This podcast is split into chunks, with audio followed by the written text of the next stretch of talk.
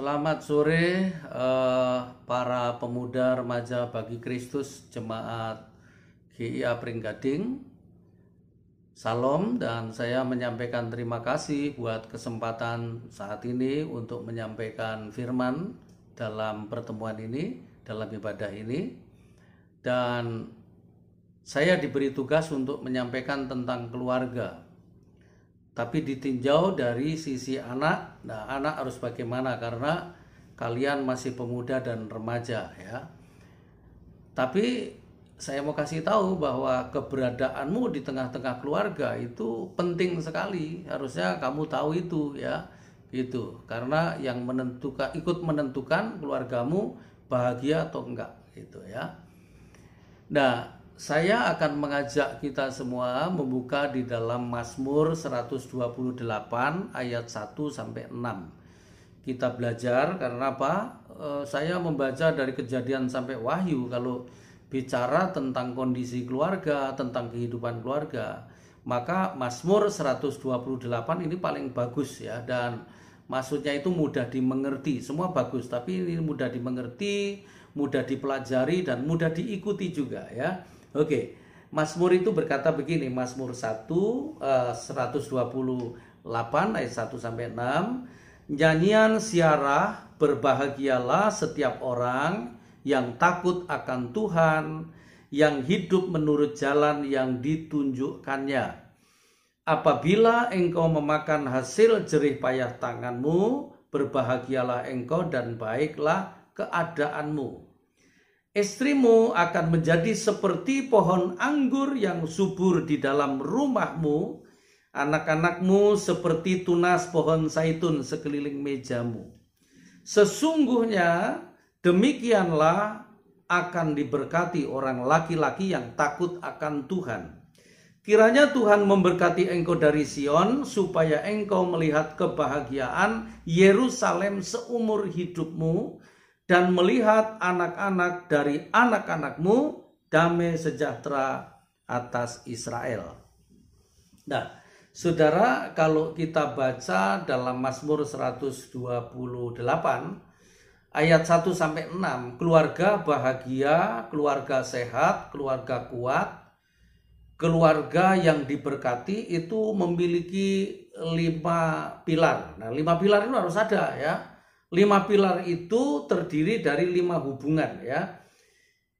Saya ingin bahas dulu satu persatu secara dewasa ini supaya kamu tahu bahwa keluarga itu seperti itu dan kamu di dalamnya sebagai apa gitu. Ya, oke. Okay. Pilar yang pertama adalah ayat 1. Ayat 1 itu berkata begini, "Berbahagialah setiap orang yang takut akan Tuhan, yang hidup menurut jalan yang ditunjukkannya." Nah, ini ayat 1 ini berbicara tentang hubungan keluarga itu dengan Tuhan. Ini ini poin satu ya, pilar pertama. Nah, sekarang coba cek ya, hubungan keluargamu dengan Tuhan, papamu, mamamu, termasuk kamu, kakak kamu, adik kamu, kalau ada itu, semua keluarga ya. Semua keluarga itu hubungannya dengan Tuhan seperti apa? Punya mezbah keluarga, bisa doa bersama, lalu kemudian bisa membaca atau sharing ngobrol firman bersama, membahas hal-hal rohani bersama gitu. Coba sekarang hubungannya keluargamu dengan Tuhan seperti apa? Kenapa? Karena semua kebahagiaan itu sumbernya Tuhan, ya. Semua berkat itu sumbernya Tuhan. Nah, kalau hubungan keluarga dengan Tuhan nggak bagus, ya pasti akan tersendat gitu. Nah, tugasmu di sini bukan begini, bukan e, menghakimi papamu yang nggak mau ke gereja, bukan menghakimi mamamu yang nggak mau ke gereja, bukan juga merendahkan uh, saudaramu, kakakmu atau adikmu yang nggak mau ke gereja, tapi justru dimulai dari kamu, kamu harus menjadi berkat bagi papa, kamu harus menjadi berkat bagi mama, kamu harus menjadi berkat bagi kakak-kakakmu, bagi adik-adikmu supaya apa? Mereka tertarik kepada Yesus gitu. Kenapa sih kadang-kadang orang malas ke gereja? Karena yang ke gereja gak jadi berkat. Jadi kamu harus jadi berkat dalam keluarga. Katakan amin. Ya. Pilar kedua. Nah, pilar yang kedua adalah ayat 2. Ayat 2 itu berkata begini. Apabila engkau memakan hasil jerih payah tanganmu, berbahagialah engkau dan baiklah keadaanmu. Perhatikan di sini ada kata apabila engkau memakan hasil jerih payah tanganmu. Nah, ini bicara tentang pekerjaan, tentang usaha, tentang bisnis, tentang ekonomi. Jadi yang kedua, pilar yang kedua, keluarga yang sehat, keluarga yang kuat, keluarga keluarga yang bahagia, keluarga yang diberkati adalah hubungan dengan pekerjaan. Nah, sekarang ini situasi pandemi semua pekerjaan hampir semua pekerjaan jadi loyo, jadi turun ya. Ada yang nganggur malahan, ada yang di PHK, ada yang usahanya bangkrut ya. Ada yang gajinya dipotong sekian persen. Karena apa? Karena situasi. Nah, sekarang kamu harus tahu, kamu harus belajar memahami usahanya orang tuamu, pekerjaannya orang tuamu, penghasilannya orang tuamu. Makanya kamu harus tahu sekarang ini hampir semua orang khususnya orang-orang yang hidupnya sederhana, yang ekonominya pas-pasan. Sekarang ini punya prinsip begini, asal bisa makan cukup aja udah puji Tuhan. Makanya jangan minta yang macam-macam kamu ya. Jangan minta yang bukan kebutuhan, jangan minta e, menurut keinginanmu, tapi kamu harus memahami pekerjaan orang tuamu sekarang lagi bermasalah atau tidak bermasalah. Nah, kalau kalian yang anaknya orang kaya, nggak masalah. Tapi kamu harus tahu juga, orang besar masalahnya juga lebih besar. Orang kecil masalahnya kecil juga gitu. Intinya, keluarga bahagia, keluarga yang damai sejahtera, keluarga yang diberkati ada kaitannya dengan hubungan dengan pekerjaan ya karena apa keluarga perlu makan minum keluarga perlu transportasi, keluarga perlu tempat tinggal, keluarga perlu kebutuhan-kebutuhan lain, bayar sekolah, ini itu dan lain sebagainya. Perlu mobil juga kalau bisa gitu. Nah, intinya kamu tidak boleh menjadi persoalan nambah beban orang tua ya. Jangan sampai kamu justru menjadi tambah persoalan bagi keuangan orang tuamu. Karena apa? Keinginanmu yang tidak yang tidak masuk akal ya. Jadi hubungan dengan pekerjaan kamu harus juga memahami ya. Nah, yang ketiga, pilar yang ketiga adalah ayat 3. Ayat 3 itu berkata begini. Istrimu, nah ini sebenarnya kamu belum waktunya dengar, tapi kamu harus dengar ini ya. Istrimu akan menjadi seperti pohon anggur yang subur di dalam rumahmu. Ini pilar yang ketiga adalah hubungan suami dan istri. Ini papa dan mamamu. Hubungan suami istri, hubungan papa mama yang sehat itu adalah seperti anggur. Ya. Kenapa seperti anggur? Anggur itu bicara tentang kasih sayang, tentang cinta ya. Nah, tapi anggur itu coba nanti kalau nggak percaya kamu beli anggur, terus kamu peres airnya, kemudian kamu minum air anggur itu, maka di dalam anggur itu, air anggur itu ada terkandung tiga rasa rasa manis, rasa asam, rasa pahit. Nah, begitu juga hubungannya papamu dan mamamu itu akan melewati tiga hal ini. Tiga hal ini. Ada kalanya hubungan papa mamamu manis-manis, ada kalanya hubungan papa mamamu itu asam, ada kalanya pahit. Nah, ketika hubungan mereka lagi pahit, ketika hubungan mereka lagi asam, kalau uh, menjadi sensitif, mudah marah, ya kamu mesti memahami. Kamu jangan nambah persoalan gitu ya. Kenapa? Karena hubungan mereka seperti itu. Dan tugas kamu ya nggak usah menggurui mereka, tapi kalau berani kasih masukan-masukan yang benar, kalau mereka lagi berantem, lagi ribut, begitu kasih masukan yang benar ya. Terus kemudian juga begini, tugas kamu mendoakan hubungan papamu dengan mamamu supaya harmonis, supaya sehat, ya, supaya kalau ada konflik juga bisa menyelesaikan. Kalau bertengkar nggak berlarut-larut. Setiap rumah tangga pasti pernah bertengkar ya. Setiap pasangan suami istri pasti pernah berantem. Tapi kalau bertengkar terus itu namanya nggak sehat ya. Nah doakan, tugasmu adalah mendoakan supaya hubungan mereka diberkati dan hubungan mereka sehat gitu. Nah, sekarang adalah pilar yang keempat. Pilar yang keempat ayat 3 bagian B ya. Ayat itu berkata begini.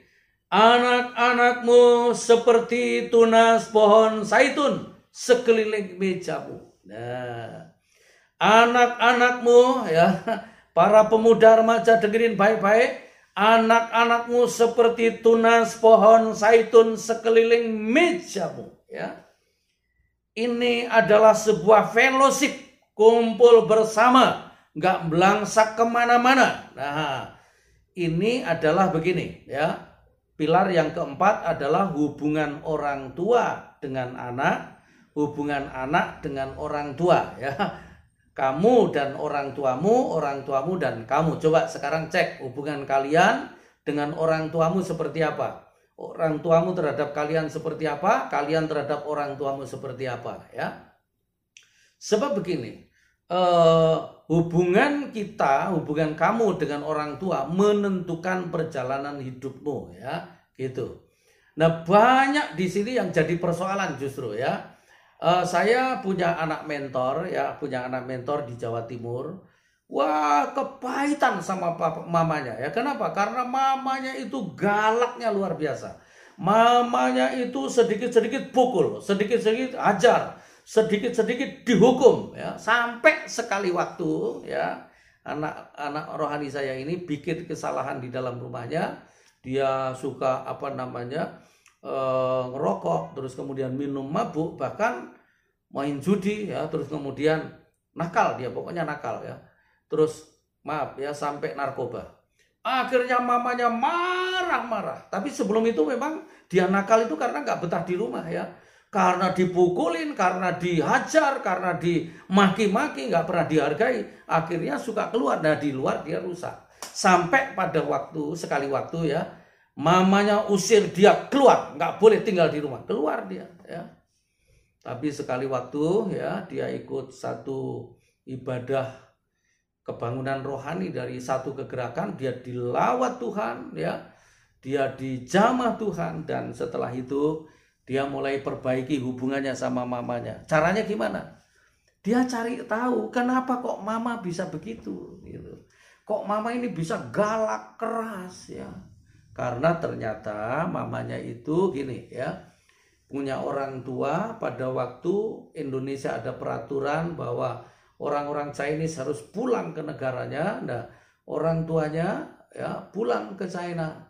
Terus kemudian mamanya ini masih kecil, masih baby, dikasih ke orang.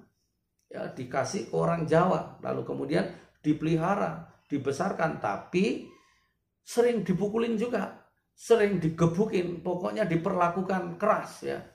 Nah karena itu gini biasanya akan terjadi begini ya. Uh, kamu tidak akan pernah ada prinsip begini, kamu tidak akan pernah menjadi orang tua yang baik kalau kamu tidak dibesarkan oleh orang tua yang baik. Kira-kira begitu kamu tidak akan pernah menjadi orang tua yang benar kalau kamu tidak pernah dididik oleh orang tua yang benar. Kira-kira begitu. Nah, dari situ bisa terjadi pemulihan karena begini. Dia mulai buka hati, dia mengampuni mamanya yang selama ini kasar sama dia, keras sama dia. Kenapa? Karena dia baru sadar ternyata dulu mama juga diperlakukan seperti itu gitu. Coba uh, kamu nggak usah nanya ke orang tuamu nanti tersinggung ya. Cari tahu dengan caramu bagaimana. Uh, kalau misalnya bisa tanya orang tua nggak apa-apa. Pengen tahu begitu ya. Dulu papa itu dibesarkan oleh orang tuanya dengan cara seperti apa sih? Dulu mama itu dibesarkan oleh orang tua seperti apa sih? Karena biasanya apa yang dilakukan uh, orang tua terhadap kita karena dulu dia sudah diperlakukan seperti itu. Nah ini tapi nggak semuanya ya, tapi hampir semua begitu ya.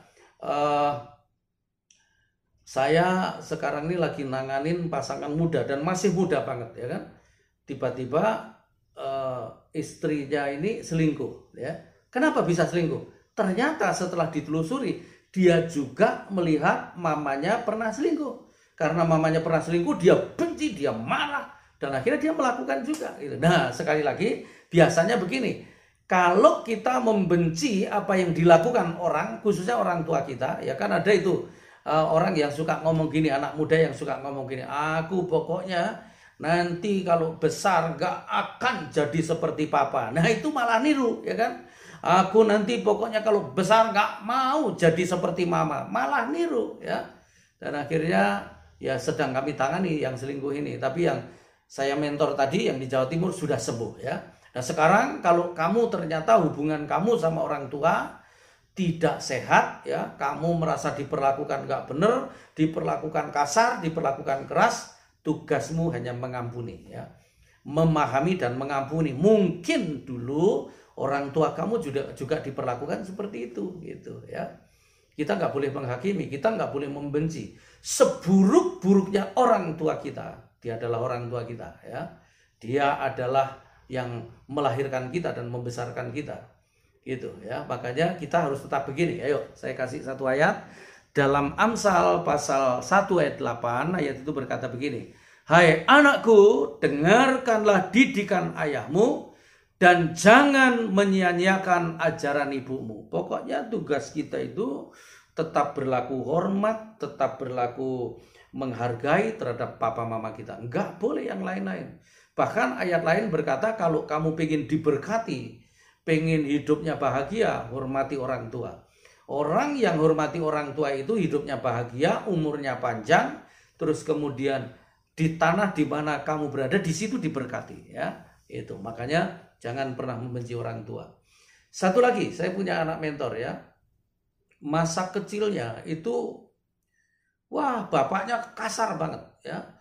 Bapaknya itu sering sering nempelengin mamanya di depan dia dan dia ngomong begini.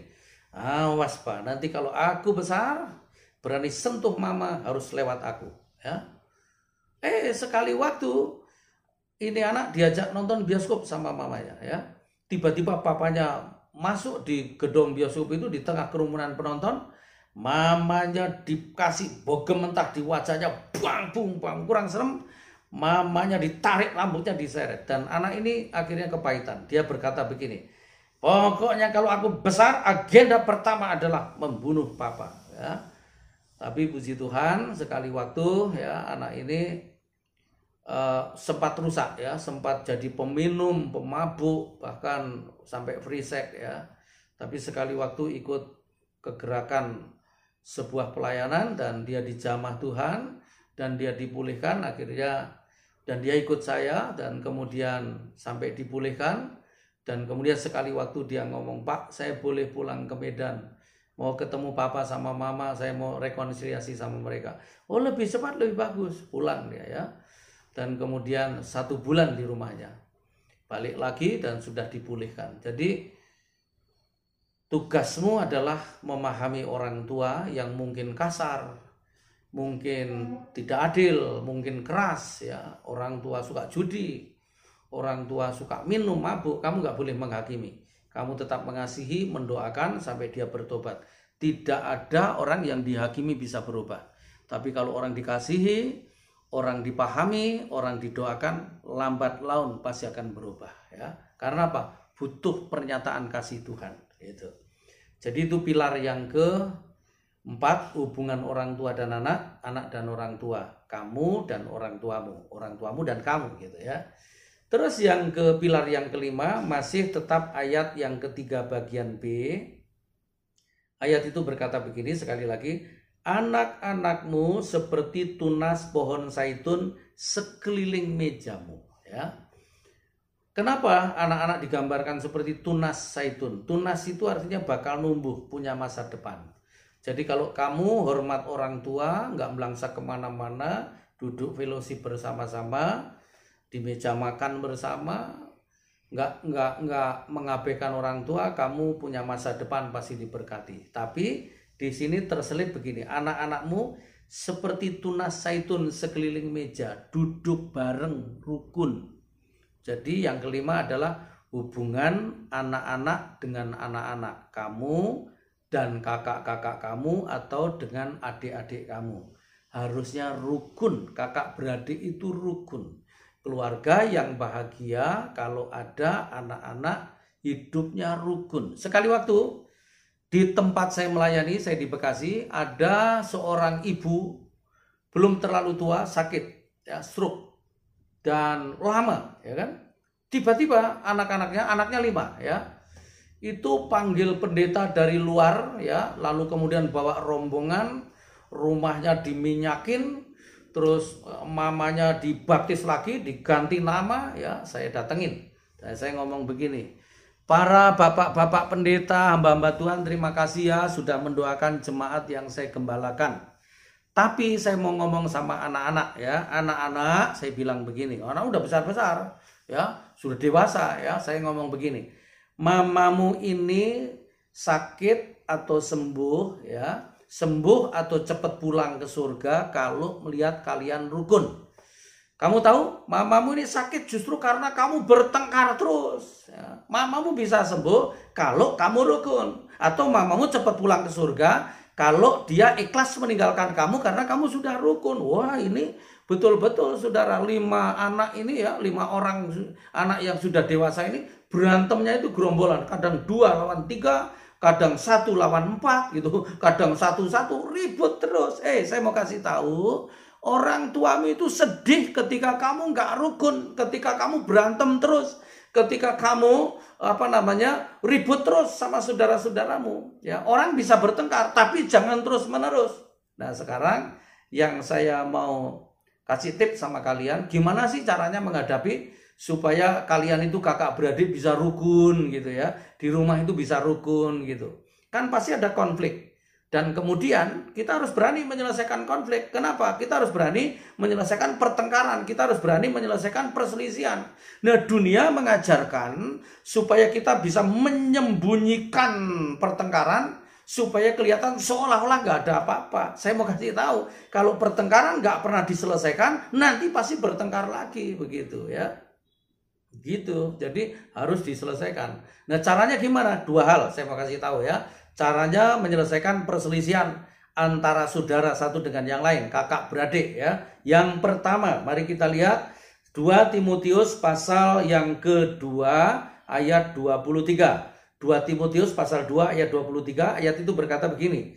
Hindarilah soal-soal yang dicari-cari, yang bodoh dan tidak layak engkau tahu bahwa soal-soal itu menimbulkan pertengkaran. Jadi kalau kamu kakak beradik lagi bertengkar ya, maka kuncinya yang pertama supaya kamu bisa cepat selesai konflik, keluar dari konflik, maka yang pertama tidak boleh mengumbar emosi ya.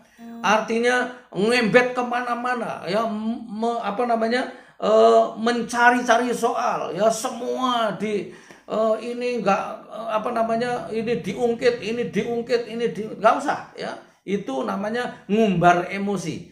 Jadi kalau kita lagi ribut lagi bertengkar sama saudara kita kakak beradik jangan ngumbar emosi. Kamu harus berani menahan emosi, menguasai emosi. Supaya apa? Tidak berlanjut, itu ya gitu. Jadi nggak boleh ngembet ke mana-mana ya gitu. Misalnya pertengkaranmu masalah uh, apa namanya masalah uh, sepatu gitu ya. Ya udah sepatu aja nggak usah ngebet sampai baju sampai penggaris sampai apa lagi. Orang yang nggak tahu menau diikutkan juga gitu. Ya pak kalau mau terasa mau bertengkar salah satu berdiri ini judulnya apa? Ya, pakai judul supaya apa? Nggak, nggak ngembet ke mana-mana. Jadi jangan ngumbar emosi dan tidak boleh ngembet ke mana-mana kalau lagi bertengkar ya. Terus kemudian yang kedua kalau lagi bertengkar ada prinsip begini. Amsal pasal uh, Amsal pasal 27 ayat 17. Ayat itu berkata begini. Besi menajamkan besi, orang menajamkan sesamanya. Jadi kamu harus tahu kakakmu itu penajammu, adikmu itu penajammu.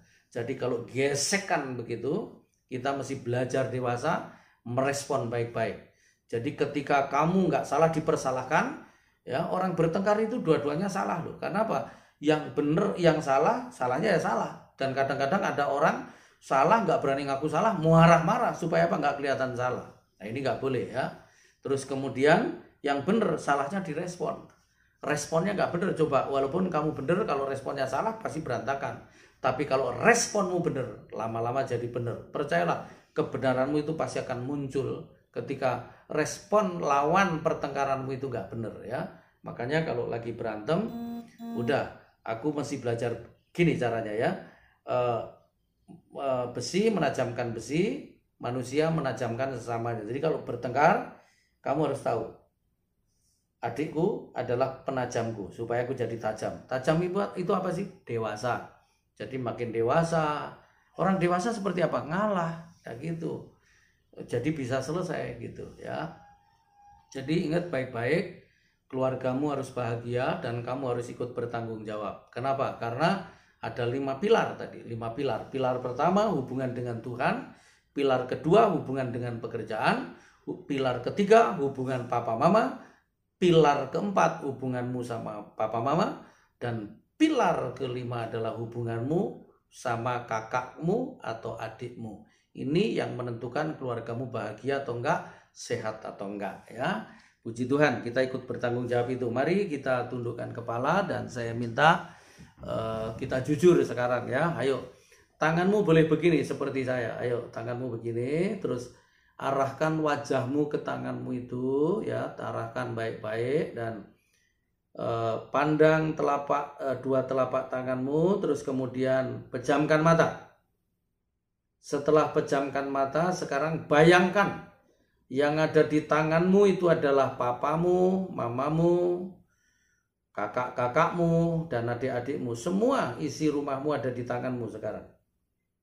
Nah, kamu ikut andil, keluargamu bahagia atau enggak, keluargamu diberkati atau enggak. Nah sekarang ada enggak di antaramu yang sakit hati, yang kecewa, yang lagi marah sama papa atau mama? Kalau kamu ternyata posisimu benar dan kamu diperlakukan, dipersalahkan, ayo tundukkan kepala, pejamkan mata, saya beri kesempatan kamu berdoa, kamu lepaskan pengampunan buat papa dan mama yang selama ini berlaku keras, berlaku tidak adil kepadamu supaya rumahmu diberkati. Ayo doakan orang tuamu ya. Oke, terus doakan, terus. Nah sekarang bagaimana hubunganmu kakak beradik? Kalau hubunganmu nggak sehat, kamu harus menjadi pendamai. Ngalah dan minta maaf lebih dulu itu jauh lebih baik. Ayo kita doa bersama-sama. Bapak di surga, kami bersyukur boleh bersama-sama pemuda remaja bagi Kristus. Biarlah mereka ini benar-benar bagi Kristus. Hidupnya hanya dipersembahkan kepadamu, dan engkau ditinggikan di dalam hidup mereka. Kami berdoa Tuhan supaya semua pemuda remaja bagi Kristus mereka betul-betul memuliakan Tuhan, menjadi berkat dalam keluarganya, menjadi berkat di mana pun berada.